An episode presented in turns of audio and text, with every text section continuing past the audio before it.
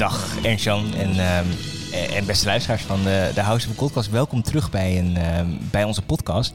En Jan, ik heb hem expres even wat langer laten lopen, de intro, omdat ik hem, eh, ik heb hem wel gemist. Ja, ik heb het ook wel gemist eigenlijk. Eh, De intro, maar ook eh, het opnemen en, eh, ja, en alles wat eh, bij onze podcast hoort. Want eh, ja, we hebben een zomerstop gehad eigenlijk. Hè? Eh, wat, wat heb jij eigenlijk gedaan in, in, in, in de Ja, poeh, ik heb het wel heel- vooral heel heet gehad, Ernst-Jan, kunnen we denk ik wel zeggen. Ik ben een tijdje in Korea. Dit is een soort patiëntdemonstratie van een, eh van een hyperter... van hyper... Hoe heet het? Het, het serotonine-syndroom. Het zit nergens. Ja, nee, ik... Een heatstroke, dat was het woord wat ik Heatstroke, zocht. ja. Nee, ik trek deze... Deze chronische heatstroke heeft Tim deze zomer. ik trek deze hitte bijzonder slecht. Het is ook nu weer heel erg warm in, de, in onze studio. Eh, dus ik hoop dat het snel voorbij gaat, Ernst-Jan. Ik, Ja. eh, ik heb wel een hele leuke tijd gehad in Korea. En eh, het is in, begin in september begin ik weer met werken. Ik heb er op zich zin ik heb, ik heb, ik heb, ik heb er heel veel zin in. Maar ik hoop wel dat die hitte binnenkort stopt. Ja. En ik heb weer zin om, om te podcasten. Daar heb ik weer- dus we zijn helemaal opgeladen deze zomer. Hopelijk, hopelijk jullie ook. En ja, er staan weer ons eh, ontzettend veel nieuwe afleveringen te wachten eigenlijk. Hè? Zeker. Heb Eh, jij een overzicht dat we een beetje in petto hebben? Ja, eh, op 4 september beginnen we dus weer. Die gaat over de DKA en de HAS, dus de diabetische ketoacidose en de hyperosmolaire hyper, eh, hyper, sorry, de hyperglycemische hyperosmolaire Syndroom. syndroom. Ja, precies. Ja. DKHS, daar gaan we het eh, de eerste aflevering over hebben. Eh, wat er verder aankomt zijn podcasts over pancreatitis, diuretica, eh, urineweginfecties, eh gastroenteritis. Dacht wel leuk om het daar een keertje over te hebben. Eh, immuunstoornissen en leverchemie in ieder geval. Dat wordt in ieder geval heel leuk. En ook die, vooral die leverchemie hebben we wel veel e-mails over Ja. gehad. Dat we het eindelijk eens een keertje moeten bespreken. Dus dat, ehm, Ja, maar het seizoen 2 zit nog, het zit nog helemaal niet, eh, niet vol. Dus als er nog mensen met eh, ideeën zijn, eh, Ja. laat het ons vooral weten. En dan wellicht komt het aan bod in seizoen 2 van de House of Podcast. Ja, ga dan via houseofpodcast.gmail.com. Ehm als je een verzoek doet, dan gaan we het daar, daar, gaan we het duidelijk, daar gaan we het een keertje over hebben. En misschien ook wel leuk om te zeggen, is dat wij allebei inmiddels bijna fellow hematologie zijn. Dus we worden allebei hematoloog. En ik weet nog dat we op een gegeven moment tijdens aflevering 1 hadden we het erover dat we allebei acuut internist en oncoloog wilden worden. Maar nou, uiteindelijk is er de afgelopen jaar iets, is daar iets aan veranderd. Tijden veranderen. Tijden ja. veranderen. Ja. Eh, we worden allebei hematoloog. Dus misschien dat we ook wat meer ehm, hematologische onderwerpen gaan Ja. behandelen. ja, ik denk dat we dat wel aan onze, aan onze nieuwe status dan verplicht zijn. Dus Ja. we blijven een hele brede blik houden, denk ik. Voor interne zaken, maar ook voor algemene ziekenhuizen. Dingen waar we denken dat de co-assistenten wat van kunnen opsteken. Maar wellicht komt ook een aflevering aan over het bloedbeeld of eh, leukemie of trombocytafwijkingen. Eh, ja, dat zijn dingen waar je aan kan denken, waar we dan wellicht eh, een aflevering over kunnen maken en onze nieuw opgedane kennis en expertise met jullie kunnen delen. Ja, maar stuur ons vooral een mailtje als je, ehm, als je nog iets anders wilt. Of je zegt van hier wil ik graag een, een, aflevering over horen. Uh, houseofpodcast.gmail.com. Dan horen we graag heel erg van, jullie- graag van jullie wat jullie, eh, waar jullie graag over zouden willen horen. Ook als dat geen hematologie is, dan staan we er Ook als het geen eh, hematologie is, staan we daar zeker nog voor open. Ja, zeker. Eh, maar goed, dat komt er dus allemaal aan in, eh, in seizoen 2. En ook om, om iets meer body te geven aan deze, aan deze teaser eigenlijk voor seizoen 2. dachten wij aan dat, dachten wij eraan dat het misschien ook wel leuk is om iets te vertellen over het boek waar wij onze naam aan ontleden. The House of God. Ehm, hoe vaak heb jij hem gelezen, Ernst-Jan?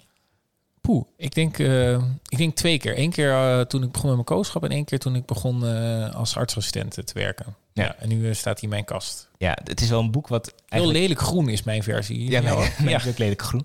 Het is een boek wat, ehm, wat ja, wel echt een typisch boek wat je denk ik, ehm, als je begint met kooschappen, dan vertelt iemand vaak van, joh, dit, dit, boek moet je, dit boek moet je lezen. Ja. Het gaat over een, ehm, ja, volgens mij is hij internist in opleiding in, eh, in het Beth Israel ziekenhuis in Boston. Gaat het volgens mij over, over een jonge eh, dokter in opleiding. Ehm, komt in dat ziekenhuis binnen en leert een beetje omgaan met de rijden en zeilen van het ziekenhuis. Maar leert ook een beetje een manier van overleven eigenlijk hè, in, dat, eh, in dat ziekenhuis. Het is heel cynisch. Wat, wat op zich wat wel leuk is, is dat op een gegeven moment hij heeft twee supervisoren in dat boek. Hij heeft dus de Fat Man, wat een beetje de, ja, de held is eigenlijk hè, Ja. van dit verhaal. Dat is een, een man die eh, ja, een hele orthodoxe, maar toch wel doeltreffende manier van geneeskunde eh, bedrijft. En dan later heeft hij ook nog, heet die tweede supervisor ook weer die heeft? Denk Joy. Joy, zoiets. Ja, en die is juist weer veel eh, meer volgens de regels. Maar het, het, het wrang is een beetje dat de Fatman doet eigenlijk zo weinig mogelijk en levert daarmee de beste gezondheidszorg. Of in ieder geval het minst leed. En Joy is iemand die heel erg op de, de regels en de richtlijnen zit en daardoor juist meer ehm, kwaad doet eigenlijk dan ze, dan ze wil doen. Eh, dat is denk ik een beetje waar het boek over gaat. En ehm, het is een heel cynisch boek, hè, de, The House of God. Het is zeker niet woke. Ja. Ehm, maar het is denk ik wel goed om het een keertje te lezen. Ja. Ja, nee, dat is, uh, dat is uh, zeker waar. En er zitten denk ik uh, waarheden in waar je zelf ook echt wat aan hebt om dat ter harte te nemen. Er zitten een aantal dingen in die misschien niet helemaal kunnen en die je ja, vaak herkent en er dan misschien om kan gniffelen. Er zitten inderdaad ook echt een paar dingen in die niet meer helemaal van deze tijd zijn. Maar nou ja, om ook goed mee te kunnen doen met de ziekenhuishumor is het zeker niet verkeerd om ze een keer gehoord te hebben. Ja, maar... want stel je voor, je, je begint in september met kooschappen bijvoorbeeld en je hoort zo'n uitdrukking, dan is het misschien ja. wel goed om even te weten waar, ze, uh, waar het vandaan komt. Dus de, ja. vandaar dat we nog dat we deze kleine toegift, uh, toegift doen.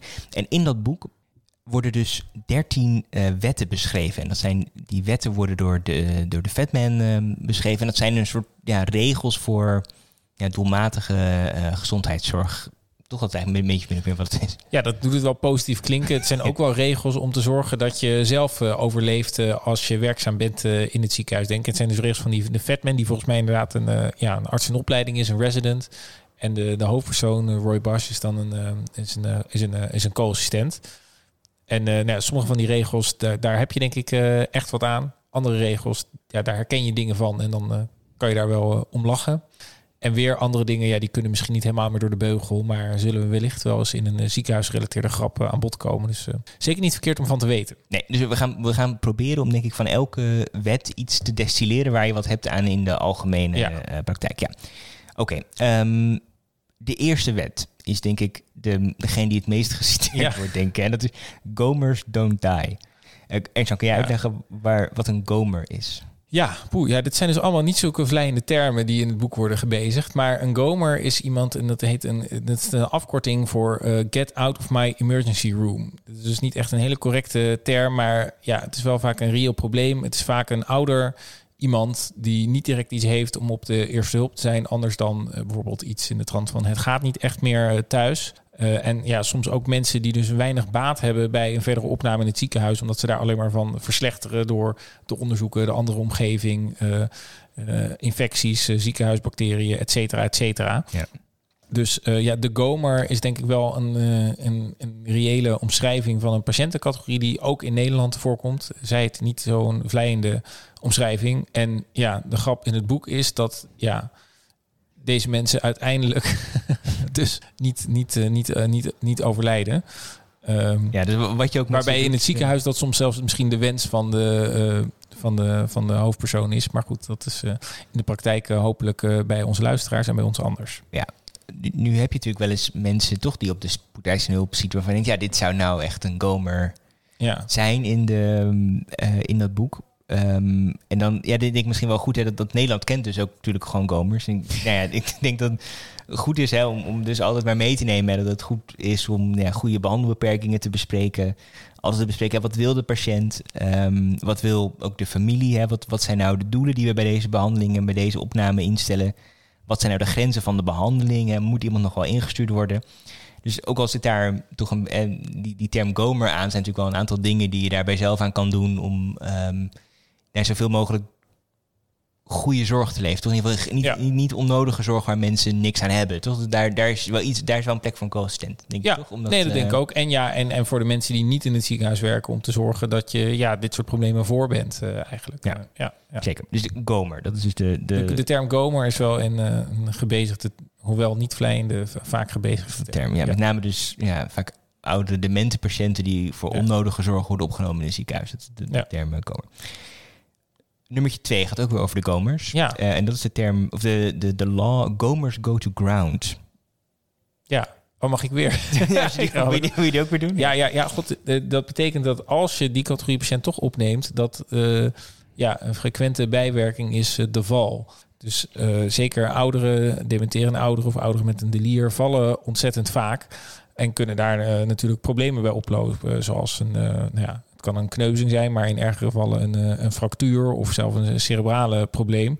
In het boek is het zo cynisch dat ze het hebben over bij welke bedhoogte je welke blessure uh, oploopt. Dus er is een neurosurgic height. Dat betekent dat je het bed zo hoog zet dat als iemand eruit valt, die ja, een neurochirurgisch probleem uh, oploopt.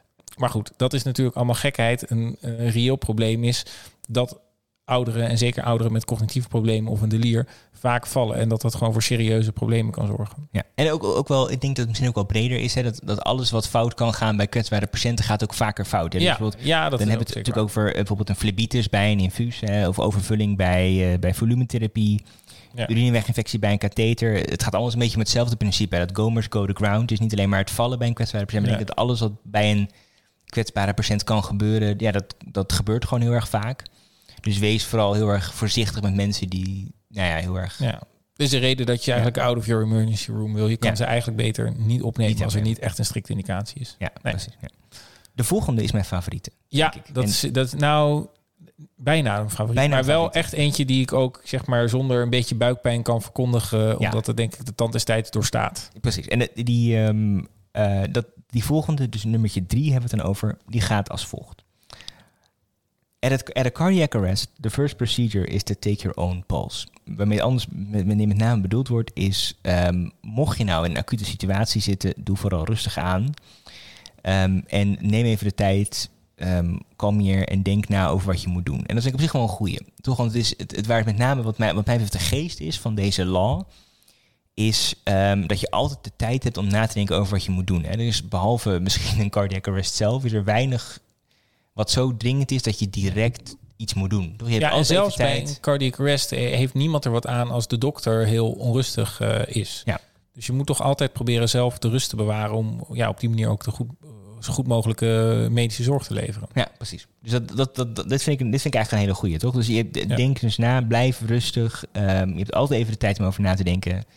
Ehm at a cardiac arrest, the first procedure is to take your own Ja, pulse. dus adem in, adem uit. Als co-assistent haal de juiste hulp. Dus eh, zet op tijd eh, de, de, de, de juiste hulplijnen uit. En uiteraard moet je bij een cardiac arrest ook andere dingen doen, zoals reanimeren, et cetera. Maar Ja. eh, paniek, Paniek helpt niks. paniek helpt niet. Nee, precies. Nummertje vier. Dat is eigenlijk ook wel een goeie. Ja, dat vind Toch? ik wel een goeie. Ja, en dat is, dat is er één.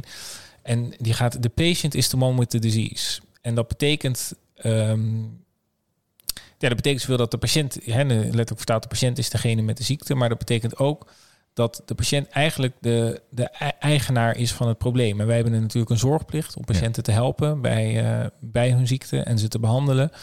Maar het is belangrijk dat je ja, je daarvan bewust bent en daar je best voor doet als je in het ziekenhuis bent. Maar als je uit het ziekenhuis bent, dat je dat ook los kan laten. En dat Ja. is denk ik zeker eh, als je als co begint en voor het eerst in aanraking komt met zieke mensen, ernstig zieke mensen, misschien wel mensen die gaan overlijden. Ja, dan, dan is dat wel eh, iets heel belangrijks om zeg maar je eigen mentale gezondheid te bewaken. Om te onthouden dat de patiënt degene is met, eh, met de ziekte. En het uiteindelijk niet jouw probleem is. Hè. Je hebt wel de verantwoordelijkheid eh, om die ziekte goed te behandelen, maar het is niet jouw probleem. Ja, wees empathisch, wees betrokken. Hè, maar als je naar huis Ja. gaat, leef dan ook gewoon vooral weer je eigen leven. hè, En blijf niet Ja. zitten in dat leed van wat je ziet overdag. Want dat...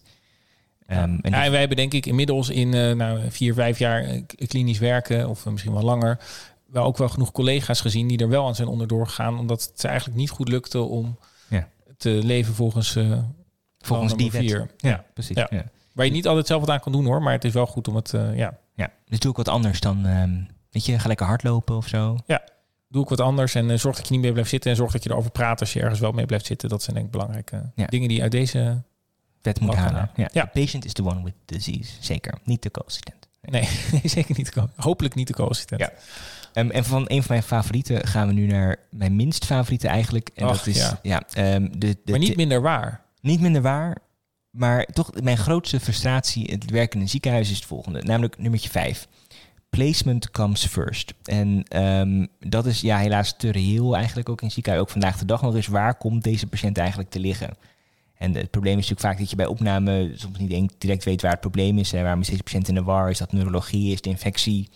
Waarom is die patiënt overwild? Is het cardiaal of renaal? Eh, waarom heeft die patiënt koorts? Is het pneumonie of is het postoperatieve complicatie? Ik zeg, ik zeg maar een paar dingen, maar hè, dan, dan, dan komt er een soort van geschuif met patiënten. Van wie moet deze patiënt nou opnemen? Hè? En wie, wiens verantwoordelijkheid is dit? En ja, dat, dat, is, dat, ja, dat is gewoon niet een hele leuke discussie om te hebben. Nee, nee. En ik denk dat je als internist vaak nog wel eens aan, eh, nou, uiteindelijk de verantwoordelijkheid neemt als het onduidelijk is. Ik wil niet zeggen aan het kortste eind trekt. Dus dan is het ook een probleem waar wij denk ik frequent mee te maken hebben. Omdat het lastig is om te zeggen dat iets niet een intern eh, probleem is. Misschien makkelijker om te zeggen dat iets niet een chirurgisch of neurologisch probleem is. Maar het is vaak inderdaad toch de patiënt die er de dupe van is... door die uren en uren op een eerste hulp ligt. Omdat er ja, toch een verantwoordelijke afdeling gezocht moet worden... voor een patiënt met een duidelijk probleem. Ja. Dus laat vooral die patiënten niet te dupe van worden. Hè? Dus Nee. als, als er een patiënt opgenomen moet worden, eh, dan moet die opgenomen worden. Hè? Dus Ja. als dat nou, stel je voor dat jij zegt van ja, ach, ik heb het idee dat het niet internistisch is, of ik heb het idee dat het niet chirurgisch is, of whatever. Weet je, als die patiënt ziek is en opgenomen moet worden, ja, dan moet die patiënt opgenomen worden. En dan Ja. kun je misschien wel eens in de, en dan kun je later steggelen over wat nou de beste opnameafdeling is. Maar dat soort eh getouwtrek op de SCH, dat is altijd het minst. eh, Ja. Maar het is wel dus iets, denk ik, ook om bewust van te zijn, maar wel bij tijds over na te denken. Niet om bij tijds eh, in je handen of je verantwoordelijkheid ergens vanaf te trekken, maar wel om bij tijds na te denken: dit is een patiënt die moet worden opgenomen.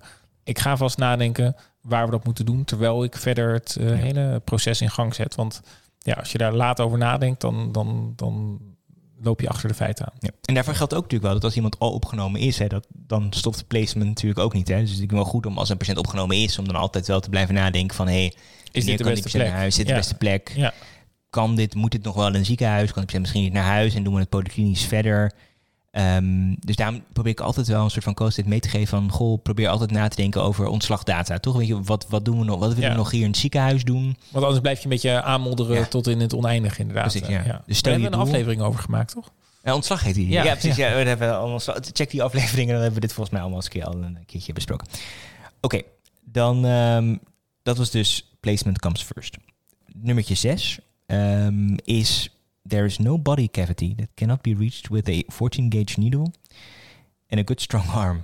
Ja. Ehm, ja, Ja, dat is denk ik ook wel iets in de tijdgeest van toen. En misschien ook wel in andere landen. Dat iedereen gewoon overal een naald in kon eh, steken. Zonder zich eh, al te druk te maken over complicaties, eh, klachten en slecht geweten. Maar maar als co-assistent? Ja. Bedoel, je- het is wel goed om te oefenen hè, met het plaatsen van infusen. Dus dat Ja. is natuurlijk een, een, ehm, een, een, eh, een 14 gauge needle. Ehm veneuze puncties kun je natuurlijk oefenen als co-assistent. Ja. Eh, infusen plaatsen, dat is, eh arteriële puncties zijn natuurlijk wel voor co-assistenten zijn wel dingen die belangrijk zijn. Ja. Andere lichaamsholte is natuurlijk de blaas die je kan bereiken met een, ehm, met een Katheter. Waar we natuurlijk Ja. ehm, een aflevering over hebben gemaakt hoe je een katheter plaatst. ehm, er zijn plekken waar een co-assistent ook wel een uh, baalpunctie eh, zou Ja. kunnen doen. Stel voor dat je op de IC bent, misschien wel een Arterie, ja, ik heb een co-assistent ook wel eens een arte- arterielijn laten plaatsen. veneuze katheters, misschien nog lange Ja. lijnen. Ja, Ja. dus nou, er kan eh, van alles. En eh, de truc is wel dat als je het niet eh, probeert of niet doet, dan leer je het zeker niet. En uiteindelijk valt het best wel mee hoe moeilijk het is. Maar zorg wel dat je het onder juiste supervisie doet. Ja. Mijn De- eerste punctie was een ascites-punctie bij de radioloog die zei: Je kan een blind paard nog niet misprikken. Dit mag jij wel doen. Dat heb ik toen gedaan. Oh, oh, ik, heb dan, ik heb nog nooit een ascitisfunctie. eh, Nee? Oh, gedaan. ja. nee. Oké, Ging goed. Ja. mooi. Ehm, Oké, dus dan, dat is nummertje 6. Gaan we door naar nummertje 7. En Ja. nummertje 7... Zeven haalt een beetje onze volgende aflevering onderuit. Vind ja, ik, nee, eh, maar Tim. da- daarom vind ik ook dat, dat 7 moeten we ook misschien direct dan maar... ehm, eh, Zeven als- doen we heel kort. Ja. Heel kort. Nummertje 7 is H plus BUN. En BUN staat voor Blood Urea Nitrogen uh, equals Dus ureum is dat. ureum, ja, eh, equals Lasix dose. Dat is een heel ja, makkelijk idee, of eigenlijk een, een makkelijke stellingregel om voor het, voor het doseren van furosemide. Eh, maar zoals we jullie gaan vertellen in een van de afleveringen die we gaan maken eh, binnenkort, is het zo, zo simpel nog niet. Want, eh, Lasix dose staat voor furosemide dus. En dit is een regel om furosemide te doseren. Maar dat, daar gaan we binnenkort een aflevering over maken. Hier gaat de Fatman eigenlijk te kort door de bocht hè, Ja. met deze wet. Ja, ja, al, denk ik wel op zich. Ik denk dat je er best ver mee komt als je het op deze manier doet. En wat ik wel op zich goed vind aan deze wet, is dat dit doet wel. Je ziet direct in deze wet dat er een relatie is tussen nierfunctie en furosemide dosering. Wat natuurlijk wel is hoe slechter je nieren zijn, hoe meer furosemide je moet geven. Dus dat vind ik op zich alweer goed aan deze, eh, aan deze regel. Maar goed, daarover meer goed, in onze diuretica. Ja, precies. Oké. Ehm, nummertje 8. Ja. Oh. Hier wordt het wat duisterder. Met een zin die, die ik wel een paar keer wel voor me uit ge, Ja. ik geef Ja. het toe. Ehm, de zin they can always hurt you more. is, eh, wat, Hier had hij het zwaar. Ja. Dit was op mijn duistere dagen.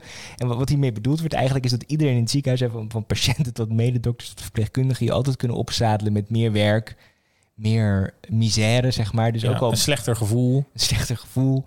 Dus met andere woorden, ook als je denkt dat het niet ergens, erger kan worden allemaal, dan kan het altijd erger. Eh, daar staat het min of meer voor. Ik heb het wel eens gezegd tegen collega's, always hurt you more. Maar eigenlijk is het best leuk werk, toch? In een ziekenhuis. Nee, bedoel, ik ja. geniet echt elke dag. Dus dat is zo. Maar dat he je moet er wel ehm, ja, op een bepaalde manier mee omgaan. En het je Ja. niet te persoonlijk aantrekken, inderdaad. En ook een beetje je grenzen bewaken. En dat Ja. laatste denk ik als co-assistent best wel moeilijk. Hè? Dus iemand kan iets aan je vragen waar je je niet comfortabel bij voelt... of wat je niet prettig vindt. Eh, of iets wat je gewoon niet leuk vindt. Of een patiënt kan je onheus bejegenen. En ik denk dat altijd...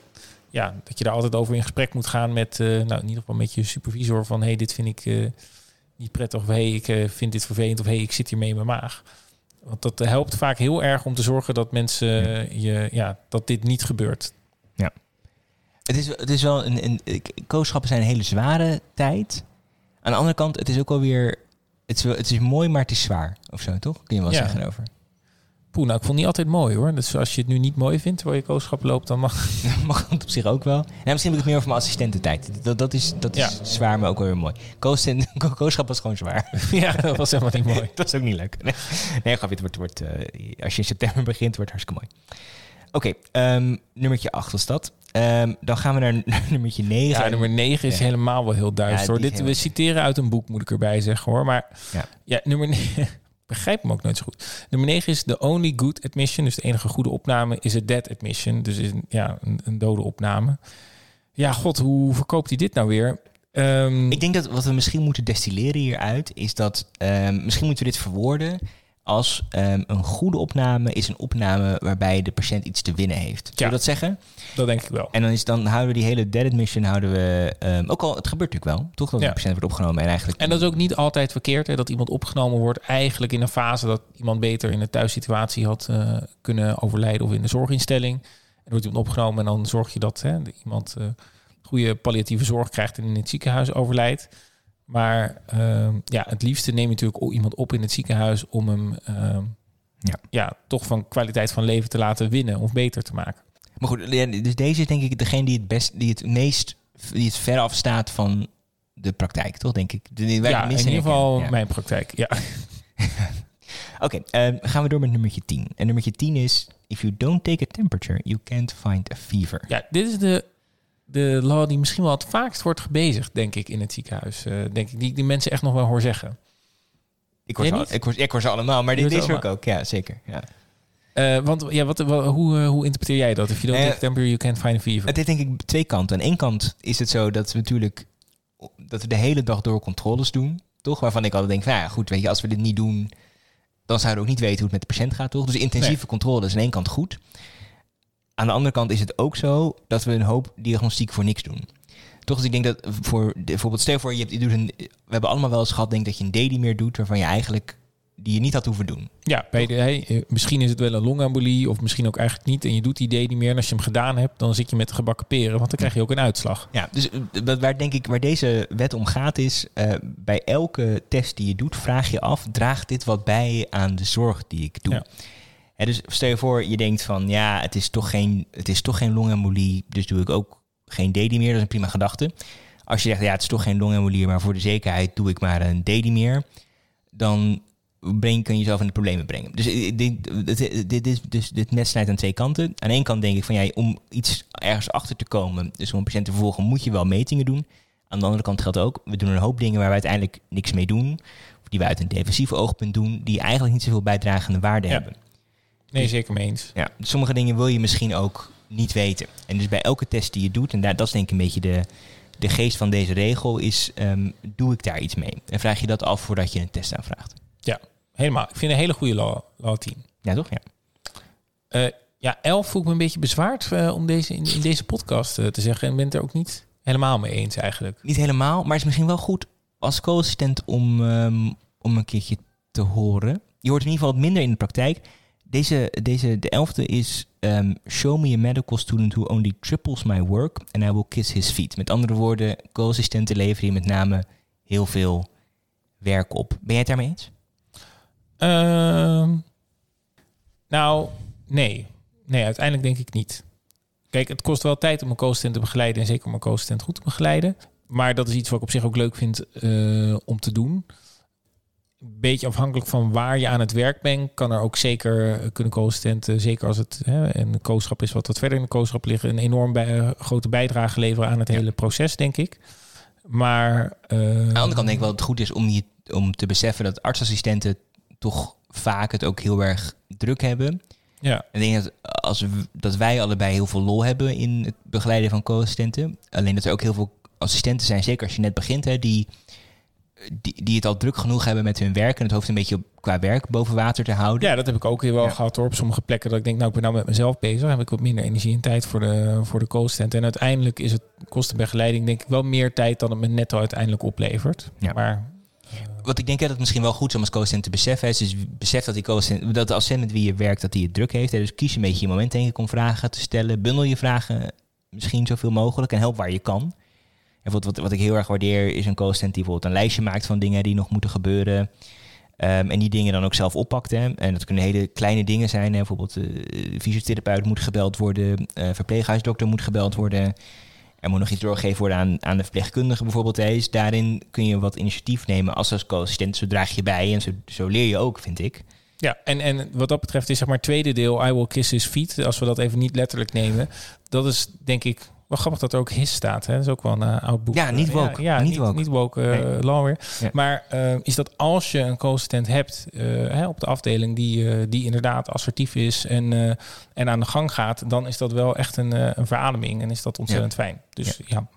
ik zou willen zeggen, probeer die co-assistent te zijn. eh, dan leer je zelf het meest en dan eh, eh, draag je ook nog eens het meest bij aan het proces. Ja. Als ik nog één ding dan hier over dit Ja. puntje mag noemen. Wat, wat ik altijd heel erg ehm, waardeer aan een co-assistent is één, als je je taak heel erg serieus neemt, toch? Dus als jij zegt van ik ga iets doen, dat Ja. jij het dan ook echt doet. Weet je, en dat het aan het einde van de dag dan ook echt gebeurd is, weet je. En wat ik nog wel eens heb, bijvoorbeeld de co-assistenten die dan bijvoorbeeld een status onaf achterlaten of zo, dat vind ik, ja, dat vind ik echt niet chill of zo, weet je. Dan denk ik van ja, als ik het niet, dit niet had gecheckt, dan was het gewoon nu... dan is het inderdaad die triple eh, van het werk. Dat, Ja. eh, dat klopt. Ja. Ja. Ehm, alright, de volgende. Dat vind ik ook op zich een leuke. Ja. Ehm, eh, we zijn op nummertje 12. If the radiology resident and the medical student both see a lesion on the chest x-ray, there can be no lesion there. En dat is gewoon een leuke, want het is, dat, dat illustreert, vind ik mooi, dat voor de correcte inter- interpretatie van radiologisch onderzoek is een soort van klinische informatie en het zien van die patiënt essentieel. Hè? Dus als je een, in, dit boek wordt volgens mij bedoeld, als je dus een radiologieassistent hebt en een medisch student die allebei een patiënt niet gezien hebben, en als die dan iets zeggen over een röntgenfoto, dat het dan vaak niet waar is. Dus hoe ik dat dan vertaal, is dus, ehm, dat klinische informatie essentieel is voor goed beeldvormend onderzoek. Dus als jij een, een, ehm, een X-thorax aanvraagt, eh, zorg dan ook eh, dat je de, de juiste informatie aangeeft voor de interpretatie van die X-thorax. hè. Dus als je rechtsbazaal op crepiteren hoort, geef dan ook aan. En als je een radiologie aanvraag schrijft, is dat dan nooit gewoon een simpele ehm, vraagstelling, dubbele punt, afwijkingen, vraagteken, maar geef aan, hè, wat zijn je sturende gegevens, waar denk ik aan, wat staat in onze differentiaaldiagnose. Ja. Dus dat, ik had wel echt een, eh, een taaie tijd in het begin met het zelf interpreteren van een Xtorix-foto Ja. in de diensten, moet ik zeggen. Ik vond het echt best wel moeilijk. Ik ook. Wat ik zou doen hè, als co-assistent of als assistent is ga naar radiologyassistant.nl en die hele module van X-thorax interpretatie is echt goud. Ik vind het echt een whoever als je luistert, maker Ik van luister, ja. nee, van de makers van Radiology Assistant lekker bezig. Ja. Want dat is echt een prachtige eh, website. En check dat, want het is X-thorax interpretatie in het ziekenhuis. Dat ga je zo vaak doen, weet je. Het is van, van, X, van pneumonieën beoordelen tot hartfalen beoordelen. Tot zit mijn lijn goed. eh, Zit mijn zonde goed. Zit mijn zonde goed. Ja. Weet je, dat is zo belangrijk. Dus um, radiologyassistant.nl en check even die X-thorax interpretatietoestand voordat je Ja. het ziekenhuis gaat. En maak een goede aanvraag. Dan halen we ook meteen even een wit voetje bij de Ja. radiologen onder onze luisteraars. Ja, Ja. zeker. En De la- de laatste? Ja, ja, dit is wel echt een, een eentje waar ik enorm achter sta. Nou, bijna enorm achter. Dat is namelijk de delivery of good medical care is to do as much nothing as possible. En als je dat voor het eerst hoort, eh, as much nothing as possible, dan denk je misschien, nou, dat is wel, klinkt wel heel eh, negatief, alsof het allemaal geen zin heeft wat we doen. Maar hoe ik het interpreteer is, ja, het is as much nothing as possible. Dus doe absoluut wat moet gebeuren. Maar als je niks kan doen, doe dan niks. En dat is denk ik heel belangrijk. Dat zeker als je in een ziekenhuis ligt, voor je het weet, raak je van de regen eh, in, de drup en wordt er een scan gemaakt waar een afwijking op wordt gezien, waarin wordt geprikt, waar een nabloeding uitkomt en dan wordt er een transfusie gegeven en dan is er een transfusiereactie en, en de eh, lijn zit een phlebitis en antibiotica. Nou ja, het zijn gewoon, het is uit het leven gegrepen zou ik zeggen, maar die Ja. dingen die gebeuren gewoon. Ja, zeker. Dus ehm, het is heel goed om heel bewust te zijn van elke behandeling of diagnostische ingreep die je, die je wil doen, of het echt eh, nodig is en bijdragend voor de patiënt. Zeker. The delivery of good medical care is to do as much nothing as possible. Ja. Nadruk op as possible. Toch? Ja. ja. Alright. Hey, dan ehm, zijn er nog twee dingen. Nou, een paar dingen, nog een paar termen die ik wel even wil noemen. Dat zijn geen laws van de House of God, maar waarvan ik wel nog denk van ja, die hoor je af en toe ook best wel vaak. Ja. Ehm, en dan af en toe zeg je van, ah ja, dat is een zebra. Of eh, hoe, hoe zeggen we dat? Dat zeggen we in Nederland vaak als een. ehm, of in ieder geval, dat komt van de, de, de volgende zin. If you hear hoofbeats, think horses, not zebras. Waarmee het nou bedoeld wordt, hè, denk altijd aan wat het meest waarschijnlijk is. Dus als je een differentiaaldiagnose maakt, wat is nou waarschijnlijk en wat niet? En zet dat ook vooraan in je differentiaaldiagnose. Ja, nee, helemaal mee eens. Ja, ik bedoel, ja, ik, ik hoop het toch dat het een zebra is. Dus je mag voor mij altijd wel aan de zebra denken.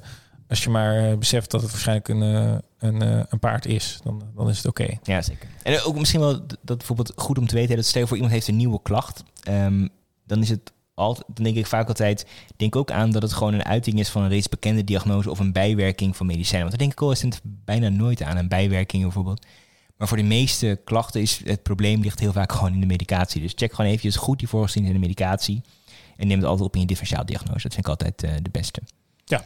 Wat altijd, als ik dit nu wel denk, is dat dan denk ik weer aan die ene keer dat ik door de gynaecologie in consult werd gevraagd voor een porphyrie. En dat, dat stond dus vraagstelling porphyrie. En toen dacht ik, ja dag, Ja, dag, dat is het sowieso dat is natuurlijk sowieso Ja. niet. Dat is een 1 op de miljoen diagnose. En dat was porphyrie. Ja. En toen had ik chips. Lekker bezig, gynaecologie. Ja, lekker bezig gynaecologie in het Westeinde. Ja. Eh, Oké, dan hebben we het over de term turfen. Of T-U-R-F, turf. Ja, Wat- wat we waren net zo positief bezig. eh, Maar eh, Ja, dan moeten we dit weer hebben. Ja. Ja, de, de turf valt een beetje in de categorie placement komt first. En de, de, de misère van de, van de ziekenhuislogistiek waar je soms mee te maken hebt. En ja, een turf, een turf is eigenlijk een, eh, ja, dat je een, eh, een reden verzint om een patiënt naar een andere afdeling eh, over te plaatsen. Of ja, de boel zo op zo'n manier vertelt, of misschien soms zelfs verdraait, dat je eigenlijk een andere afdeling bijna Ja, dwingt om een patiënt dwingt over om te een patiënt nemen. over Ja. te nemen. Ja. Het tegenovergestelde van de turf is de bounce. Dus als Ja. iemand die een patiënt naar jou probeert te turven en jij bent daar niet ontvankelijk voor, dan heb je een patiënt gebounced. Of weer teruggeplaatst en heb je een patiënt gebounced. Klinkt een beetje als een computerspel. Ja. Ehm, eh, in de praktijk probeer ik hier zo min mogelijk aan mee te doen. Maar Ja. je ziet toch af en toe links en rechts wel een, een turf en een bounce. En dan eh, ja, Ja. weet je wellicht eh, waar het, waar het over gaat. werk je niet aan mee, aan het turf en Nee. bounce. Maar het is in ieder geval dat je maar weet dat het, dat het bestaat. Ehm, dan ehm, hebben we op zich ook wel een, een ehm, niet heel woke ook weer, maar dit is de, de, de lol in, eh, hoe zeg je dat ook zo? Ja, lol en net. De ja, lol in net is de little old lady in no apparent distress. En dat, nou, ik denk dat wij op een gegeven moment toch wel een beetje in het ziekenhuis hebben gewerkt dat een beetje de hoofdstad is van de, de lol in net. De lol in net, ja, dat was eh, de core business. Ja. de core business van eh, dat. Maar goed, waar het dan met name om gaat, is een, een patiënt waarbij het steunsysteem eigenlijk faalt. Ehm, en daarom deze patiënt verschijnt op de spoedeisende hulp, maar dat er eigenlijk niet direct een, ehm, een, een, een acuut medisch probleem is waarvoor die patiënt op de spoedeisende hulp zou moeten zijn.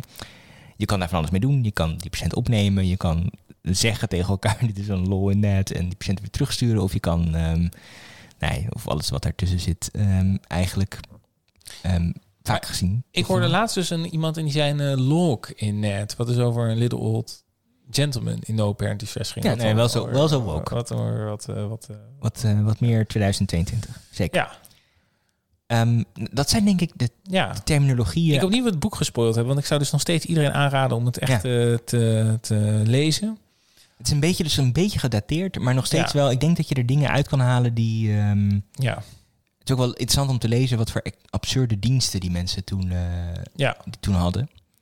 Dus het leven is wel een stuk beter dan, ehm, dan het was in, dat, eh, in die periode. Dus in dat land ook. Hè? Want in dat land steeds, zeker. eh, hè, hoewel je soms kan denken, wat werken wij hard als co-assistent of wat werken dokters hard. Maar eh, nou, ja, ik heb een tijdje in Amerika gezeten en toen vroegen mensen waarom ik daar niet dokter wilde worden. En toen moest ik altijd heel hard lachen, want als dokter heb je daar, naar mijn idee, echt een beetje een klote leven eigenlijk. Ja.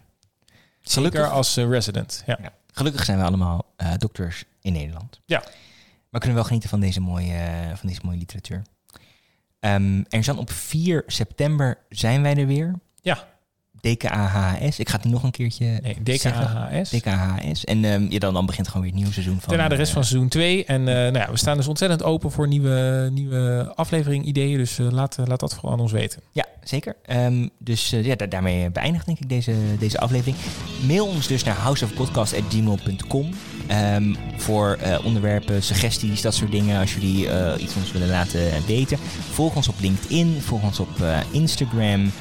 En dan zijn jullie heel op de hoogte van het laatste nieuws van de podcast. En leuke feitjes en weetjes via deze media.